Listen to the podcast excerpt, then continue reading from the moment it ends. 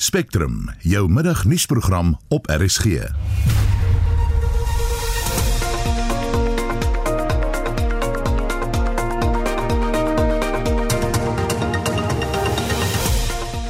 In die program advokaat Dali Mpafu of Mpafu eerder kap terug na kritiek oor verlede week se onderhoude vir hoofregter.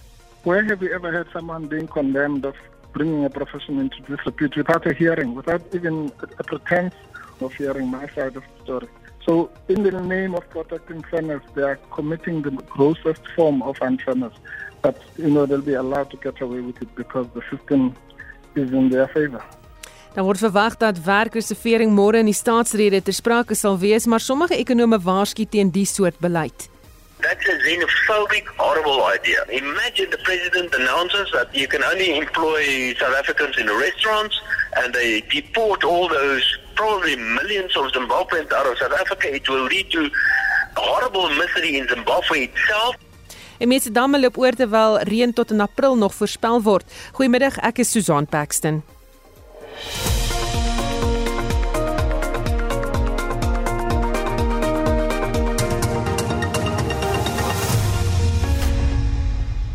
Nou 5 minute oor 12 jy luister na Spectrum in 'n onverwagse wending het die Bali Raad 'n sterk bewoorde verklaring gesê dat hy Dali Mpofu aan die regtelike dienskommissie wil onttrek. Die Bali Raad sê dat Mpofu se gedrag by die RDK verlede week tydens die onderhoude vir hoofregter die beroep in oneer gebring het.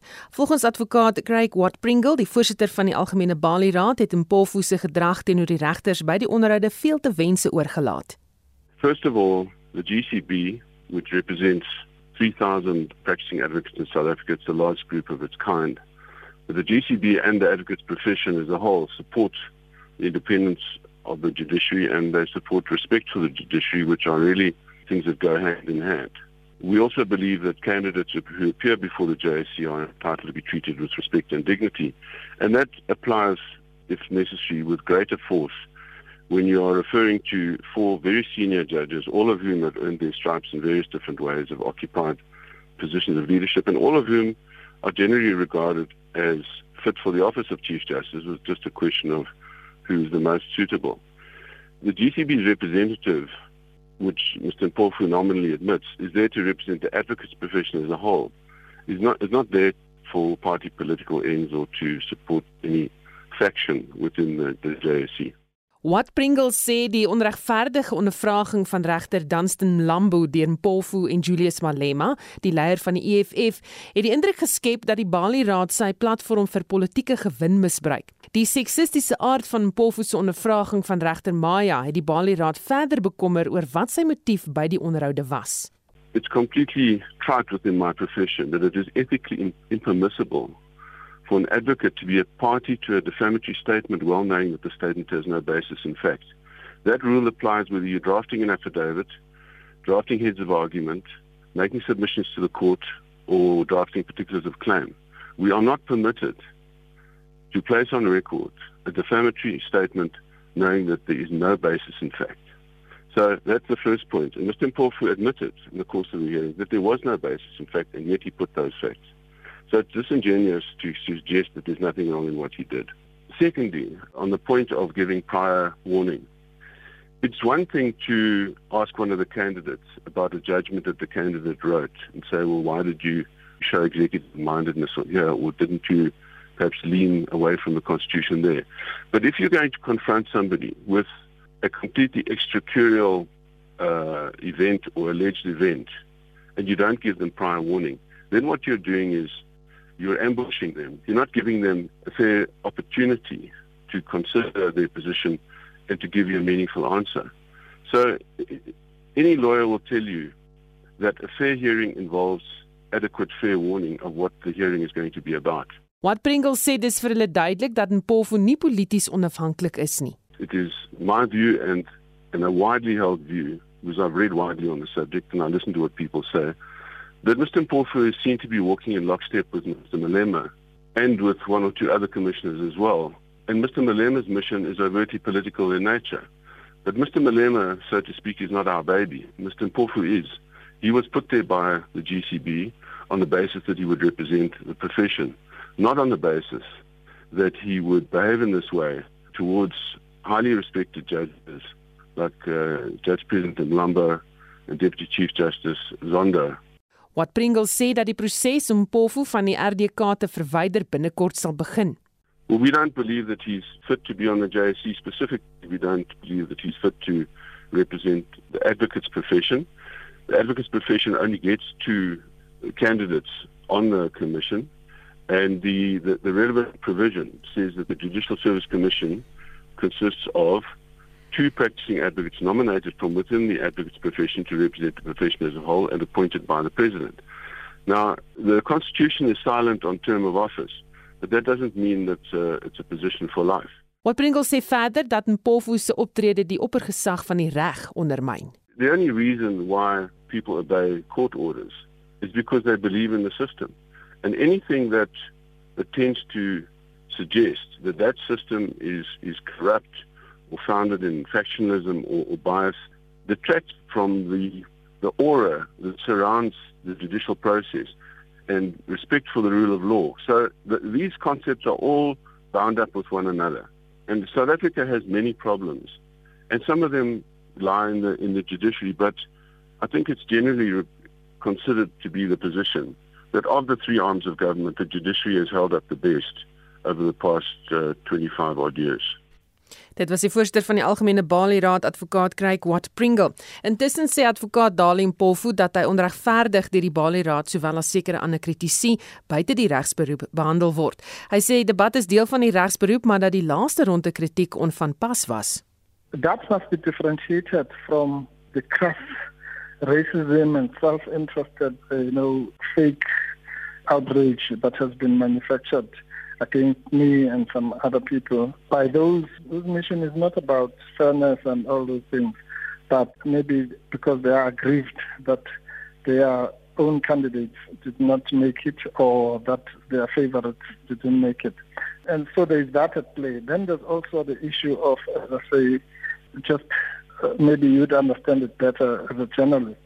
The extent to which I've now been insulted, you know, which goes beyond criticism personally by somebody like Adrian Basson. I mean, I've never heard any journalist, however angry they might be, who can say that every time you open your mouth, you bullshit, you talk bullshit. That's, if that is not an insult.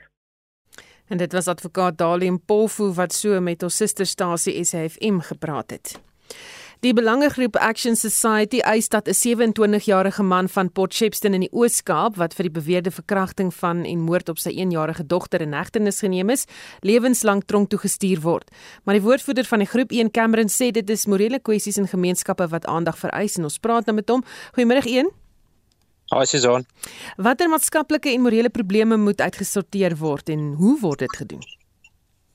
Susan, ek dink ons sit met 'n sosiaal-maatskaplike krisis, eintlik 'n pandemie in Suid-Afrika en natuurlik is is daar is daar klomp oppervlakkige kwessies soos substansmisbruik, jy weet, sê nou maar iets soos dwelms of alkohol wat wat dalk die skuld kan kry, maar ek dink daar's 'n daar's 'n uh, morele aanspreeklikheidskwessie, nie net wat die staat betref nie, maar wat ook uh, ander ander misdadigers betref en, en en as ons gaan kyk na iets soos gesinsgeweld, kom ons vat hierdie spesifieke saak waarna jy nou verwys het, dan blyk dit asof daar geen afskrikmiddel van 'n jong ouderdom af is uh of iets wat vir iemand leer dat dit nie reg is om op 'n sekere manier op te tree nie. Nou, jy het nou net oor Dalie en Polfu gepraat of hy het nou net gesels met die manier wat tipies 'n Dalie en Polfu byvoorbeeld met 'n vrou praat by 'n kommissie van 'n aard of die die uh, uh neerhalende manier wat sekere leierskap het sy polities of elders uh met met vrouens of van vrouens praat skep die indruk dat sekere soorte optredes amper normaal of oukei okay is. Nou dit kan onder geen omstandighede toegelaat word nie. Uh so ek dink natuurlik vereis ons dat hy lewenslange uh tronkstraf kry, maar ongelukkig is daai babietjie reeds oorlede en die babietjie is oorlede weens die kind so verkrag is. Nou dit is verskriklik. Jy kan net dink Susan, hoe siek moet 'n mens werklik wees om iets soos dit te doen? Sê vir my, hoeveel soortgelyke sake kry julle te doen? Waar ons hoor amper daagliks van hierdie tipe sake waar waar babietjies uh en en kinders van van onder kom ons sê 6 of 7 jaar oud verkrag en en dikwels vermoor word.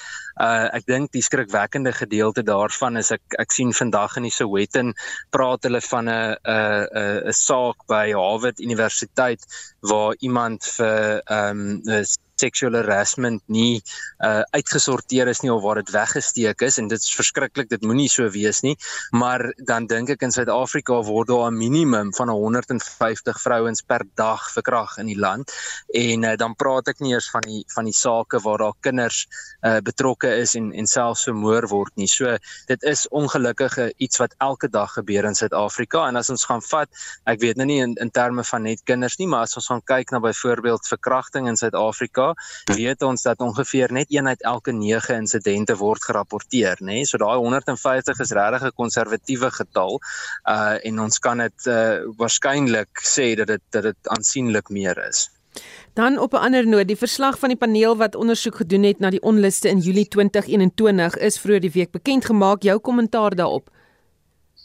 Ek wil nie die paneel in die gesig vat nie, um, maar ek dink nie dit was 'n baie moeilike verslag om op te stel nie. Ek dink alles is al reeds uh, reeds gesê tydens die onluste en selfs na dit en dit is sommer gesê deur mense in die polisie. Uh voetsoelvlak beamptes wat uh baie kritiek ontvang het, uh het uh het het selfs in daai tyd vir ons gesê dat hulle leierskap nie goed genoeg was nie en dat hulle self uh onder druk geplaas was wanneer hulle hulle werk wou doen. So ons weet alles wat daar gesê word. Ek moet eerlik wees. Ek dink hierdie verslag is 'n rookskerm uh, sodat dit lyk of Ramaphosa ten minste iets gedoen het in die afgelope amper 12 maande nadat hierdie onluste plaasgevind het.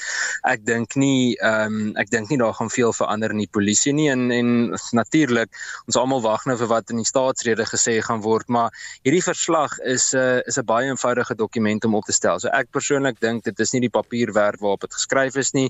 Dit help nie ons het al die kommissies en verslae, maar daar word nie opgetree teen diegene wat droog gemaak het nie.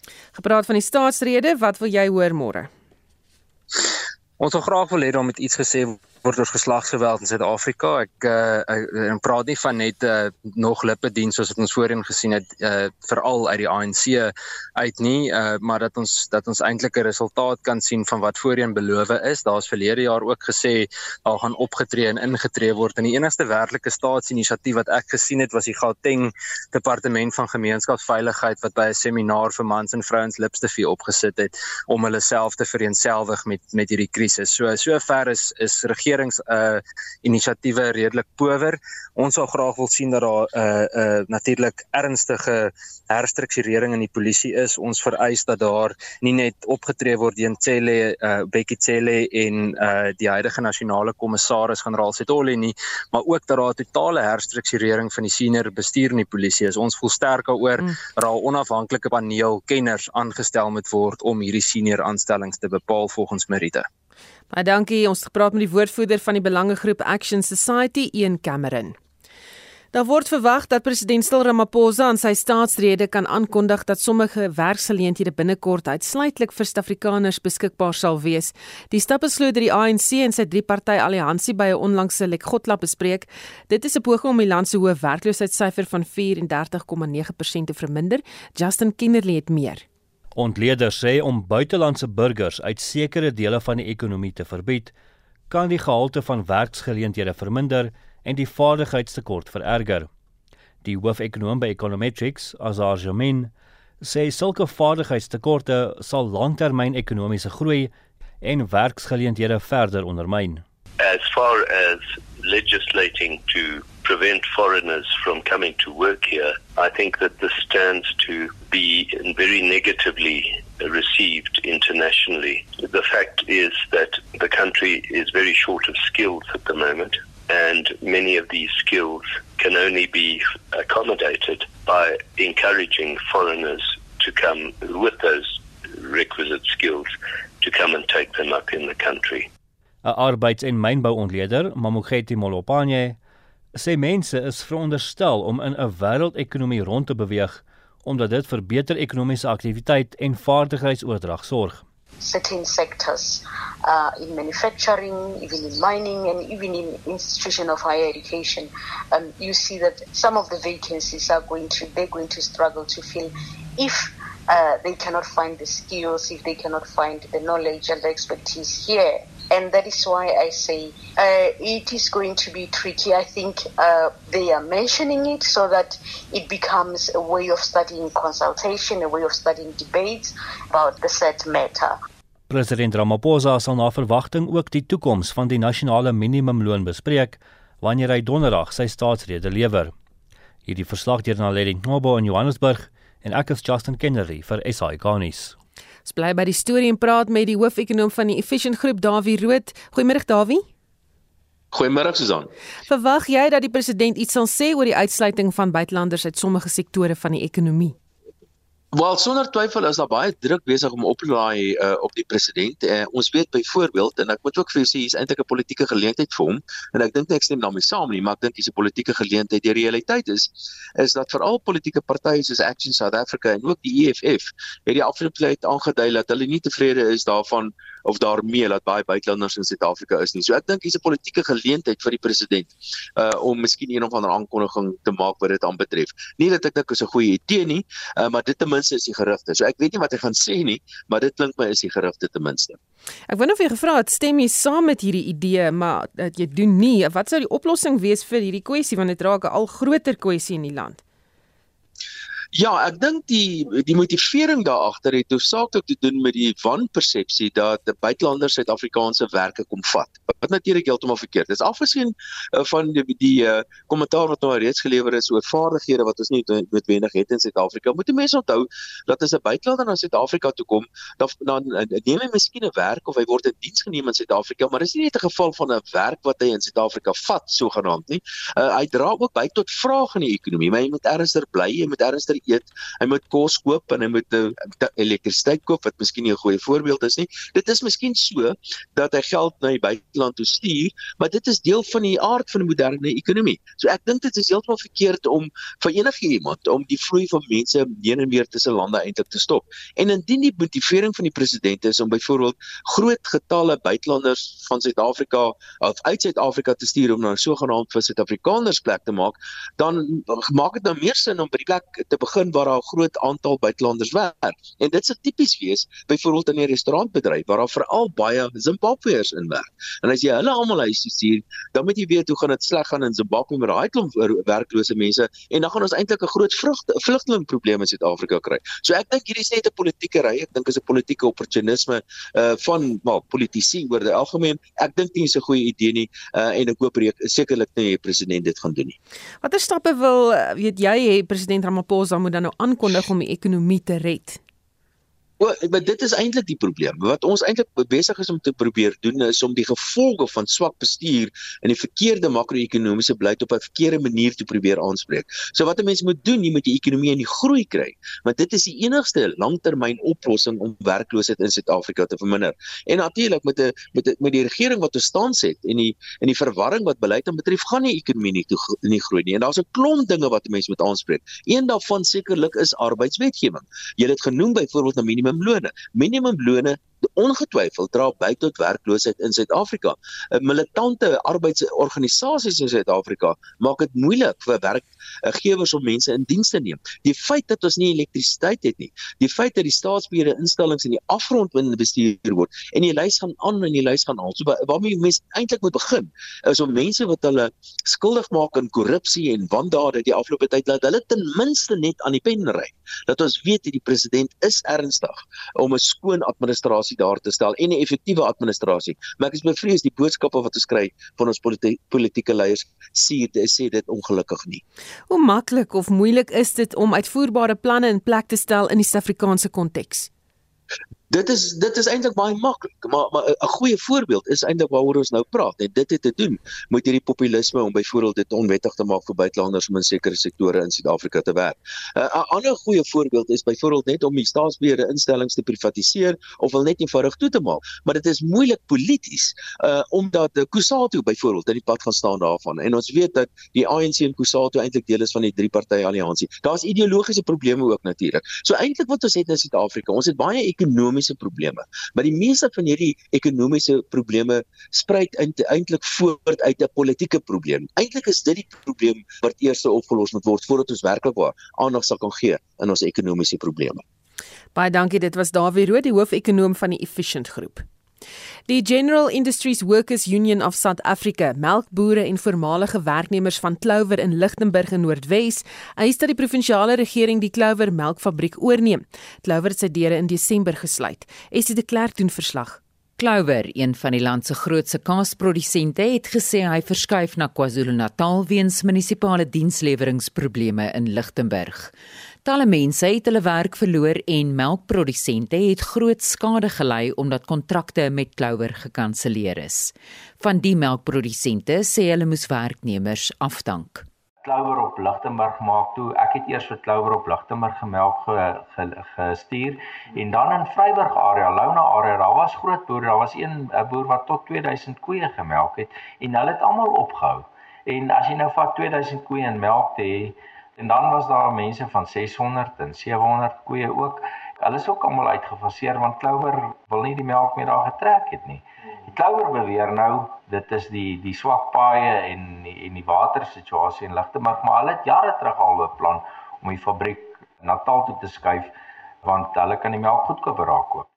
Ek sien definitief nie vir 'n melkproduseerder enige toekoms meer in melk nie. Ongelukkig want dit is nie die moeite werd nie. Absoluut. Ons hele huisgesin, jou vrou, jou kinders, alles, jou werkers, almal van hulle het 'n huis en uh, ons kan nie daarmee aangaan nie, regtig. Dis hoekom ek is op pad uit, maar nou kan jy nie net sommer net koeie vat en gaan slag nie. Regtig. Jy hart huil oor elke koei wat jy laat slag. Want ons is genetics wat koeie 50, 60 liter melk of gemelk het, maar dit is ons het nie die geld om daai koeie meer daai kos te gee nie. Die president van die General Industries Workers Vakbond, Mametwe Sebay, sê Clover het die provinsiale regering gevra om die fabriek oor te neem.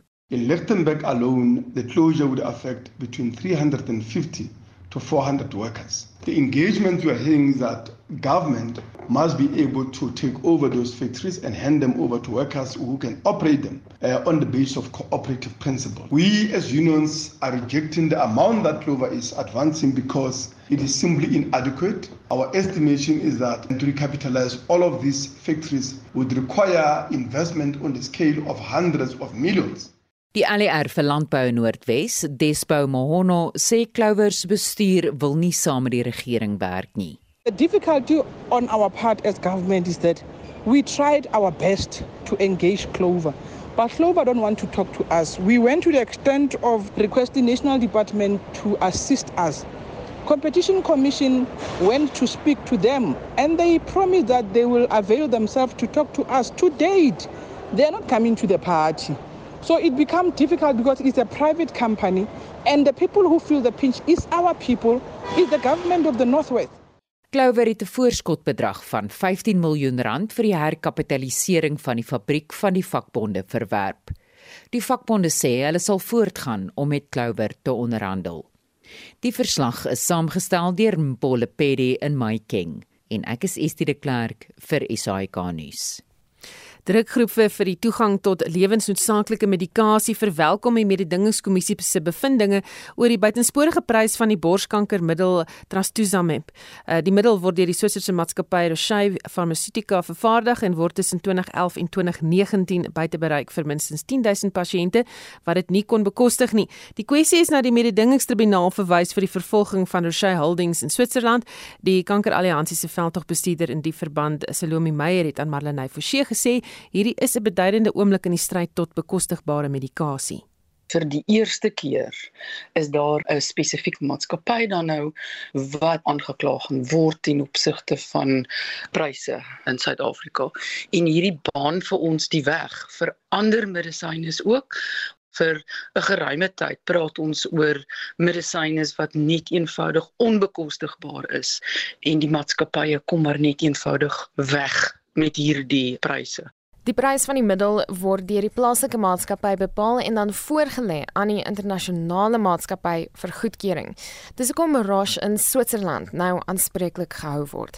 Meyer sê die maatskappy het nou reeds miljarde Amerikaanse dollar uit die middel gemaak en dis nie net Suid-Afrika wat ontevrede is met die hoë pryse nie. Die Wêreldgesondheidsorganisasie het ook verlede jaar met die aankondiging van die medisynelys vir kanker pertinent gesê dat daar wêreldwyd gekyk moet word na die pryse van medisyne. Die saak gaan na verwagting sowat 'n jaar neem om af te handel. Die aanvanklike koste van die middel het sowat R24000 per behandeling beloop waarvan vroue van 12 tot 18 moes ondergaan. En dit was toe net beskikbaar vir vroue in die privaat sektor. Intussen is dit beskikbaar in openbare hospitale en teen 2019 het die prys van die behandeling tot R4500 per behandeling gedaal ons glo nog steeds dat daardie 4.5 te duur is. Die Weskaap is die provinsie wat nie daardie um, spesifieke produk trastuzumab aan hulle pasiënte verskaf nie omdat hulle sê dit is te duur en hulle kan dit nie bekostig nie. Intussen is dit reeds te laat vir verskeie borskankerleiers. 2 weke gelede het 'n pasiënt my gekontak om te sê destyds het haar mediese fonds dit nie goedgekeur nie en uiteindelik het haar kanker nou teruggekom.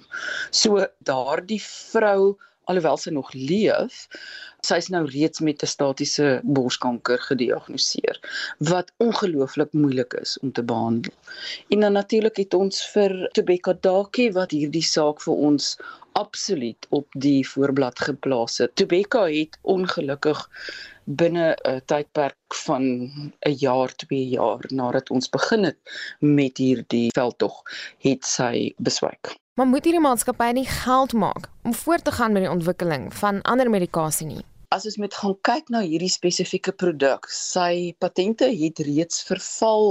So jy het meer as genoeg tyd gehad om dit wat jy in, in terme van navorsing en ontwikkeling ingesit het terug te verhaal. Wat wel eintlik nie werk vir ons nie, is dat hierdie spesifieke produk het vir daardie maatskappy biljoene dollars gemaak oor jare en dat verskeidenheid van vrouens oor die wêreld het nie toegang gehad tot 'n middel wat werklik jou lewe verleng nie.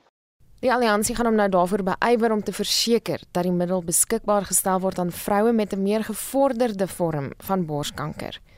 Intussen is daar middels op die mark wat R24000 per behandeling soos 'n filletjie laat lyk. Kyk, Truda byvoorbeeld is 'n middel wat gebruik word vir die behandeling van melanoom, dit word gebruik vir longkanker en 'n verskeidenheid van ander indikasies ook. En daar's nie eens 'n kans dat die publieke sektor ooit sal kan dink om daardie middel beskikbaar te stel nie. Ons praat van hier in die omgewing van ek dink 800 000 rand het ons vir 'n kursusbehandeling. So daar is 'n verskeidenheid van produkte, maar ons kan nie aan al hierdie produkte gelyktydig aandag gee nie. Die pad vorentoe is nog lank maar die alliansie bly moedig. Dit is ongelooflik dreinerend eintlik om om te dink daaraan dat dit jou soveel jare vat om by 'n punt te kom om 'n saak te maak en dat mense na jou luister. Maar aan die ander kant moet ek ook sê mense moet maar net aanhou en aanhou en jy kry maar jou krag dink ek van die mense af vir wie jy veg. Dit was die Kankeralliansie se veldtogbestuurder vir toegang tot bekostigbare medisyne, Salomi Meyer. Marlene Forsie, SAK nuus. Net 'n regstelling op 'n vorige berig. Ons het 'n eh, berig dat 'n man, 'n 27-jarige man van Port Shepstone in die Oos-Kaap vir beweerde verkrachting en moord op sy 1-jarige dogter in hegtenis geneem is. Hy is nie van Port Shepstone nie, hy is wel van Port St Johns.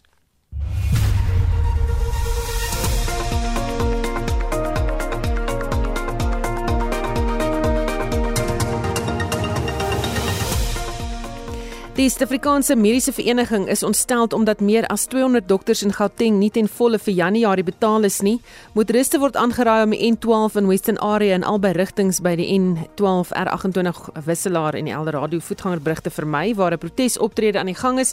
Die pad is met brandende voorwerpe en klippe versper en 'n nuwe besem by die Taalkommissie beloof 'n nuwe aanslag wat taalreëls betref. Bly ingeskakel.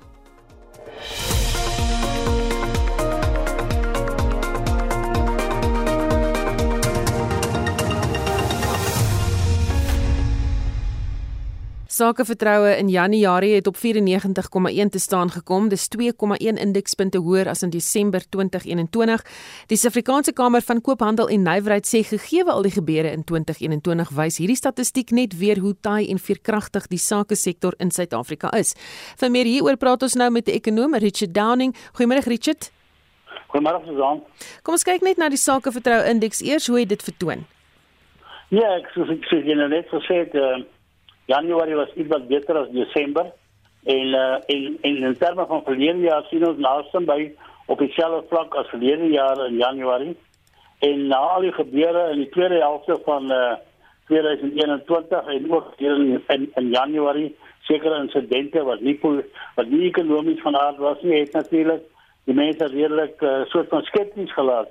Maar ek moet sê die uh, die gemeenskap en en ook die private sektor het bly bly lewer aan dienste en goedere en dit uh, redelike pryse nie teenstaande al hierdie ontwrigtinge en ek dink dit wys vir ons die hardnekkigheid en en en en hoe hoe, hoe aanpasbaar die private sektor eintlik is teen baie moeilike omstandighede. En spesifieke sektore wat hier vir jou uitgestaan het. Ja kyk ons kyk hier na 'n soort van 'n uh, 'n klompie aanwysers wat belangrik is vir die sake sektor wat vir die idee gee hoe lyk dit in die ekonomie en in die finansiële markte. En dan sien ons dat uh, dat eh uh, uh, uh, invoere redelik gestyg uh, handelsinvoere uh, en dan ook eh uh, uh, kleinhandel het redelik goed gedoen die volumes en maar aan die negatiewe kant is gesien inflasie wat 'n bietjie druk en almal ervaar dit self ons verbruikers. En dan ook met rentekoerse wat nou weer gestyg het was 'n redelike negatiewe effek wat dit gehad het op verbruikers en ook die sake sektor. Jy verwys nou hoe veerkragtig die sake sektor is as 'n mens na hierdie data kyk. Verduidelik bietjie dit. Ja, ek meen dit gee vir ons 'n idee wat eh uh, dat 'n mens aanpasbaarheid het in die private sektor en ek dink eh uh, dat dit eintlik vir jou ook sê is eintlik leierskap en en bestuur van van die sake sektor wat krities van belang is en ek dink as jy mens kyk na die openbare sektor waaroor 'n mens redelik krities kan wees op hierdie stadium soos die Zondo-kommissie uitgewys het, absolute ineenstorting van sekere dienste wat noodsaaklik is vir die vir die ekonomie om te funksioneer. En en as ons dit vergelyk met die private sektor, dan kan ons sien wat werklik saak maak is goeie bestuur, die regte mense in plek te hê en om om om effektief te wees. En dit dis belangrik. En as jy voorheen uitgewys het ook in die arbeidskonteks. 'n Mens gebruik maar uh, mense om vir jou te werk wat jy wat jy kan doen en jy gaan vir effektiewe beheer. Ek weet die vreemdelinge hier in Suid-Afrika wat hier kom werk, hopelik het hier 'n proses gegaan by die grense. En ek dink dit is waaroor 'n groot probleem is, is dat daar nie werklik 'n goeie grensbeheer is nie en dat mense hier instroom wat eintlik nie 'n bydrae lewer tot die ekonomie nie. Dan het 'n groep ekonome van Harvard 'n studie gedoen oor hoekom ons ekonomie nie herstel het na die 2008 ekonomiese krisis in die wêreld nie. Um hoekom het ons nie weer gegroei nie volgens hulle? Wel ek meen mense weet wat het in 2009 begin gebeur en uh, die staatskaping wat die hoogtyd gevier het. Uh, staatskaping beteken dat eintlik seker ouens eintlik in beheer gekom het van sekere van jou openbare sektor instellings.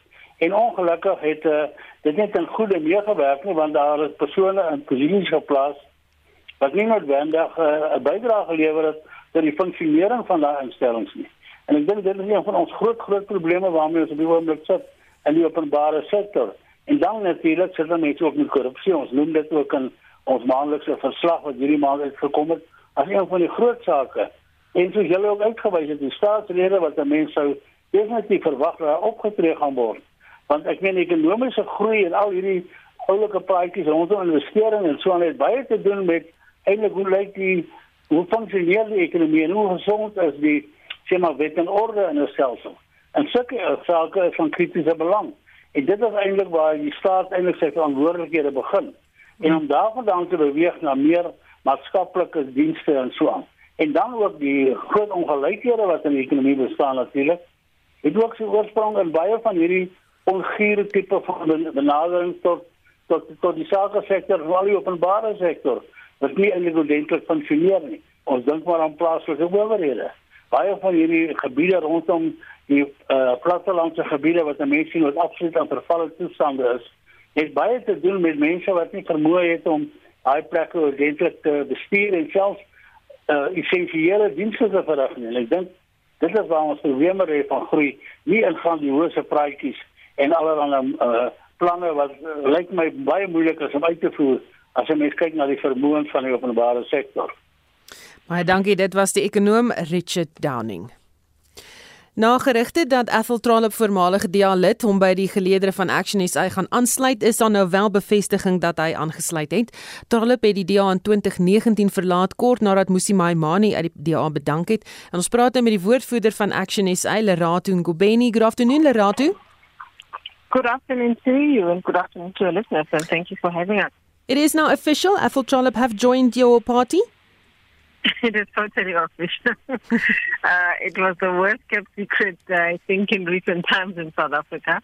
Um, but you know, the the buzz equally created excitement uh, on our part, and we're quite excited, and we look forward to his leadership in the Eastern Cape. What is beautiful about Ethel as well is uh, even right now, as I speak to you, uh, I'm anxious because I wish, and you know, when I was younger, I did higher grade Afrikaans, and I could speak uh, proper Afrikaans when I was younger. But you know, they say when you don't use it, you lose it. And so now I'm not confident anymore. Uh, but Ethel speaks fluent, fluent, fluent is Xhosa, um, which is really, really wonderful because that province um, is largely Xhosa speaking.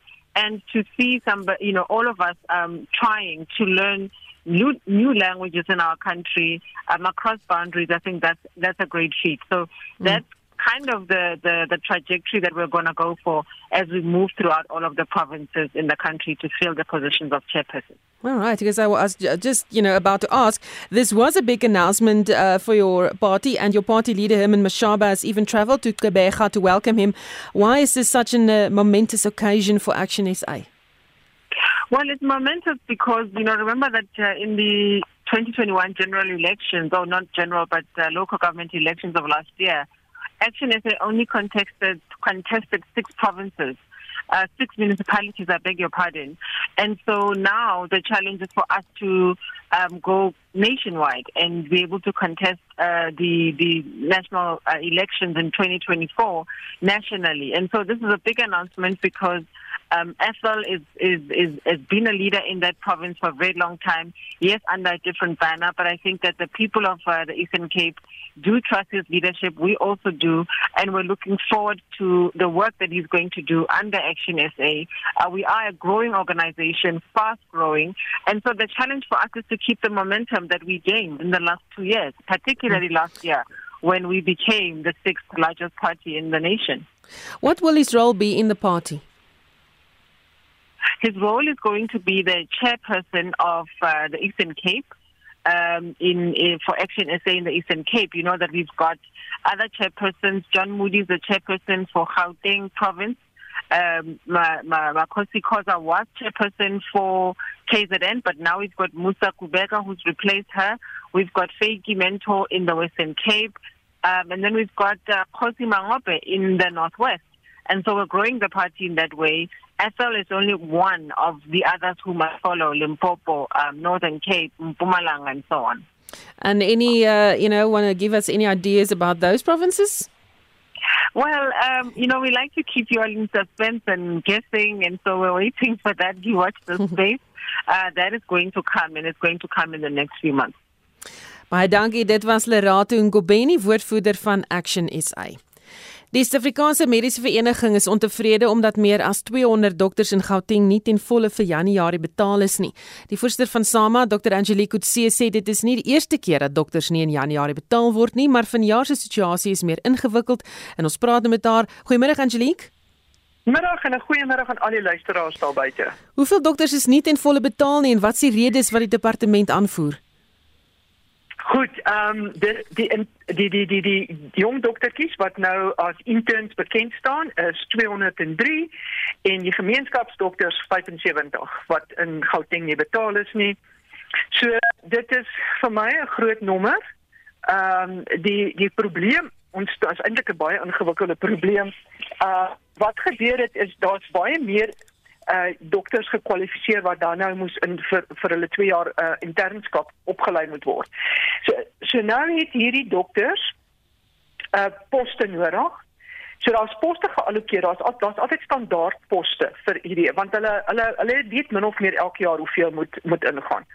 So maar hierdie jaar is daar was daar oor die 200 meer ehm um, interne studente of dokters en hulle het nie genoeg plek gehad nie en op die ou einde omdat Gauteng die provinsie is met die meeste opleidingshospitale is hierdie is hulle toe nou ehm um, uh uh na Gauteng toe verwys en Gauteng moes toe nou plek maak vir hierdie 203 ehm um, jong doktertjies. Ehm um, ook as ook daar vir die gemeenskapsdokters 75 van hulle. So van hulle het ehm um, vaste poste toe nou gekry. Maar maar ook ongelukkig in hierdie groep is daar wat nog nie by die gesondheidsraad beroepsraad geregistreer is nie.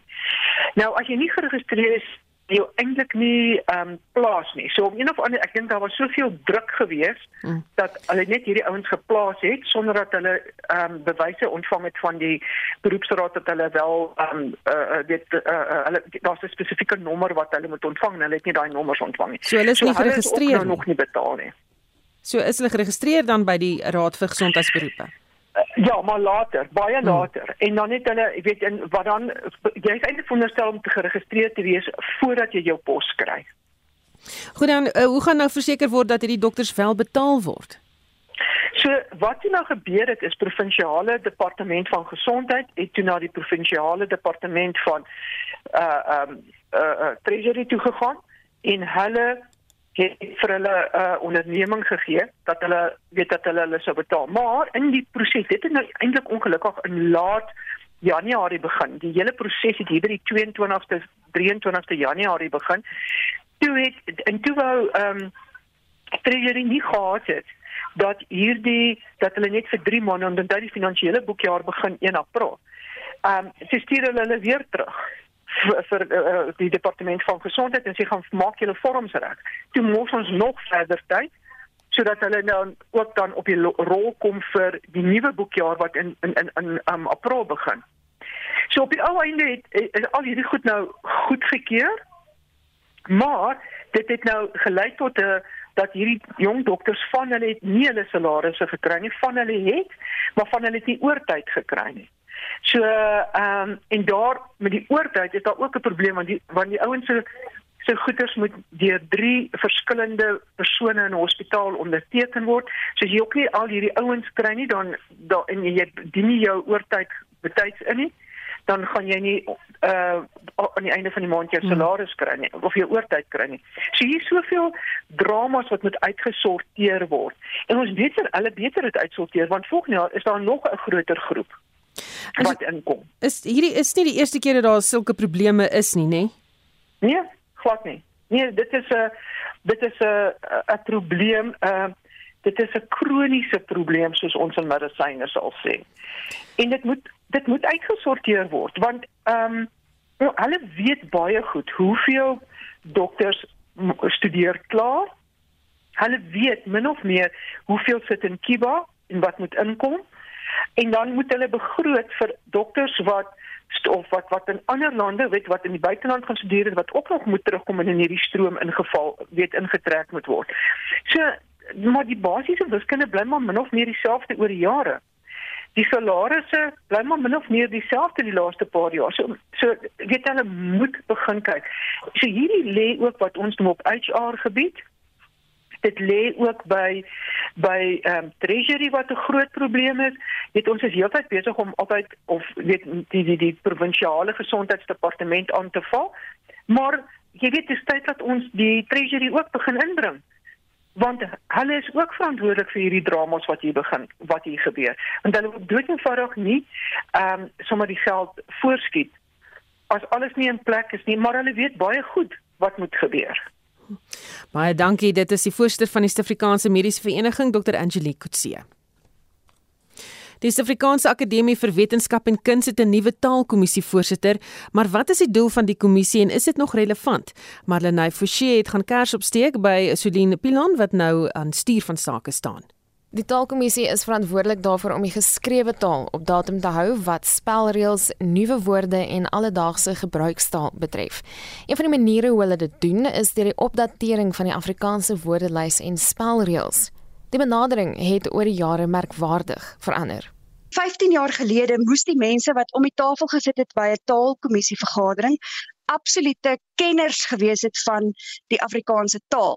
Die enigste hulpbron wat daai mense tot hulle beskikking gehad het terwyl hulle moet reëls skryf vir hierdie variëteit van Afrikaans was die kennis wat hulle in hulle koppe gehad het. Deesdae het ons allerlei ander hulpbronne tot ons beskikking, onder andere reusagtige Afrikaanse databasisse waarin ons kan gaan soek sodat ons kan sien wat doen 'n teksversorger wanneer hulle 'n Afrikaanse artikel se teksversorging doen byvoorbeeld sodat ons kan gaan sien wat gewone Afrikaanse taalgebruikers wanneer hulle kommentaar skryf onderaan media stories byvoorbeeld so ons kan regtig nou begin kyk hoe lyk Afrikaans in die monde en in die skrywende hande van die Afrikaanse taalgemeenskap Om die proses te vergemaklik, is daar ook nou 'n raadgewende paneel van sowat 200 taalkundiges aangestel. Bilans hulle probeer juis wegbeweeg van die idee van standaard Afrikaans as 'n variëteit van Afrikaans wat eerder van 'n standaard stel want dit is glad nie eintlik wat dit is nie. Waarmee ons besig is is eintlik meer algemene Afrikaans. So ons probeer om reëls en riglyne te skryf vir daai weergawe van Afrikaans wat deur die grootste gedeelte van die sprekergemeenskap verstaan kan word. Dit is dan tipies ook die Afrikaans wat jy vind op Afrikaanse radiostasies, op Afrikaanse televisieprogramme. Dis die Afrikaans wat jy vind in geskrewe formele dokumente ensovoorts. 'n Nuwe voorsitter is egter nie die enigste verandering wat onlangs by die kommissie aangebring is nie. Die taalkommissie is heeltemal in 'n nuwe situasie. Taalkommissielede is in portefeuilles aangestel en ons het vir die eerste keer byvoorbeeld 'n nuwe media spesialis op die taalkommissie. As ek moet sê wat is dit wat ek sal wil nalat, dan is dit 'n groter bewustheid van die taalkommissie, van die werk wat die taalkommissie doen en dan uit die aard van die saak om die werk wat deur vorige taalkommissies en onder leiding van vorige taalkommissie voorsitters gedoen is, voort te sit op 'n manier wat net mooi inpas by die tydsgees waarin die Afrikaans sprekers hulle hedendaags bevind. Dit was die nuwe voorsitter van die Suid-Afrikaanse Akademie vir Wetenskap en Kuns se taalkommissie, Solien Pilon. Marlene Forsie is hy konnies. Die sakenuus word aangebied deur Robert Cameron, portefeuljebestuurder by Fisher Dugmore Sekuriteite. Goeiemôre Robert. Goeiemôre Suzan, goeiemôre luisteraars. Ons plaaslike mark versterk vandag met die indeks vir alle aandele wat op is met so 0.5% of 370 punte. Hy staan tans op uh, 67 uh skiet op 77460 punte. Die top 40 indeks is beter met 0,6%. Die uh, Hulbron indeks verswak 0,4%. Die Navirat indeks is beter met 1,7% en dan die finansiële indeks is af met so 0,4%. Ons kyk na enkele aandele, Naspers beter met 2,7%, 2513 rand. Mondi sterker met 4,4%, hy's op 404 rand 20. Dan Sasol, uh, wanneer jy verloor kan sien ons verloor so 3%, 331 rand 60. Uh die wisselkoers se tans uh 15.31 teenoor die Amerikaanse dollar, R17.50 teenoor die Brit uh, die euro en 'n Britse pond kos jou uh, R20.79. Kommoditeite, die goudprys 1827 dollar per fyn ons, platinum prys 1040 dollar en dan die Brent olieprys uh, bestendig op die stadium so uh, 90 dollar 75 per vatjie. Internasionaal sien ons oornag dat die Dow Jones verbeter met so uh, 1% Die groot Europese markte ook sterker vandag. Die FTSE Immert in Londen 0,6% sterker. Die DAX in Frankfurt verbeter 1,6% en die CAC 40 in Parys verbeter 1,5%. En laastens die S&P termynmark op hierdie stadium sterker met sy 0,7% en dit dui dan op 'n sterker opening uit Amerika later vanmiddag. Baie dankie dis en van vandag se sake nuus. En dit was Robert Cameron, portefeuljebestuurder by Fisher Dugmore Sekuriteite. Die departement van water en sanitasie gaan voort met die monitering van damvlakke reg oor die land. Dit na die Suid-Afrikaanse weerdiens nog reën tot einde April voorspel het. Die departement moes die afgelope naweek meer as die helfte van die Hartbeespoortdam se sluise oopmaak nadat watervlakke 100% oorskry het. Jamie Verhoef doen verslag. Volgens die woordvoerder van die departement van water en sanitasie, Sputnik Ratau, het die Hartbeespoortdam se watervlakke al 'n bietjie gesak. Dit staan tans op 97%. We had about 7 gates open until Saturday. But over the Saturday, Sunday, up to yesterday, then we saw a very big reduction in the dam level to the point where it dropped below 100 up to around 97 or so. And we are hoping that we can actually go further down to about 95. Ratau sê damvlakke reg oor die land word voortdurend gemonitor. We are keeping an eye particularly on the Vaal Orange River system because that is where we're seeing a lot of activity. We have seen a reduction in the dam levels, but we have seen the Vaal rise again over 107%. We are keeping an eye on that. Dit was die woordvoerder vir die departement van water en sanitasie, Sputnik Ratau. Die verslag van Itumeleng Khajane, ek is Jean Marie Verhoef vir SAK nuus.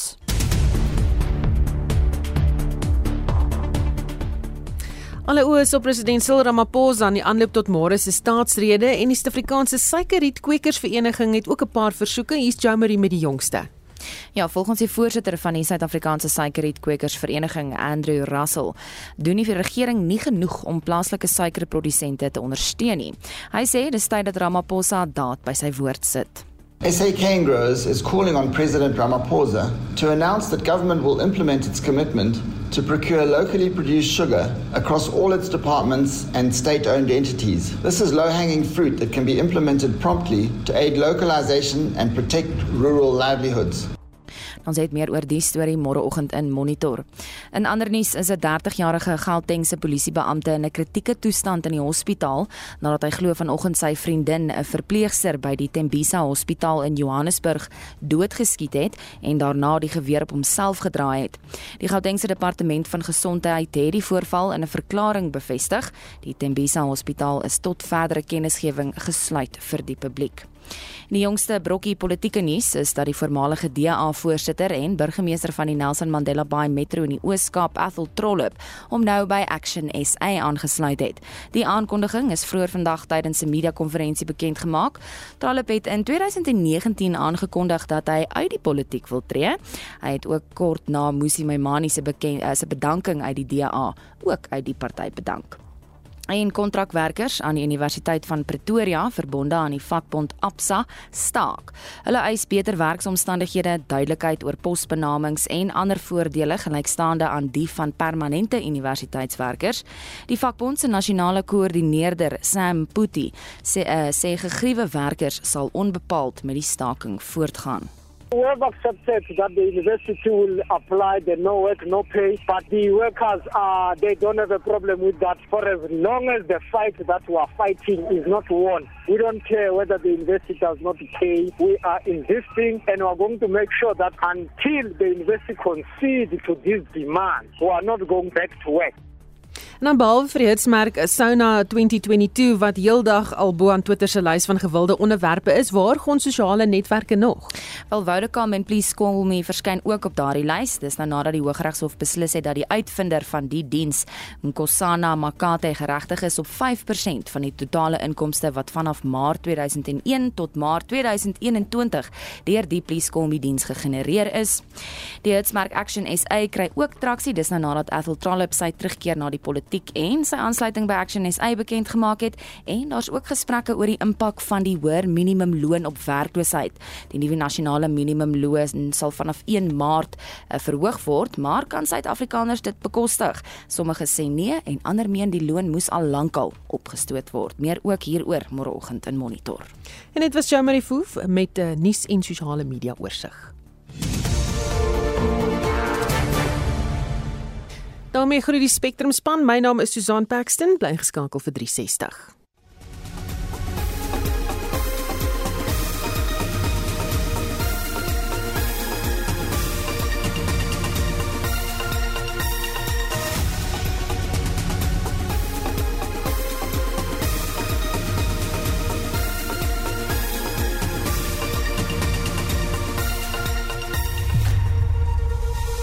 SAK nuus onafhanklik, onpartydig.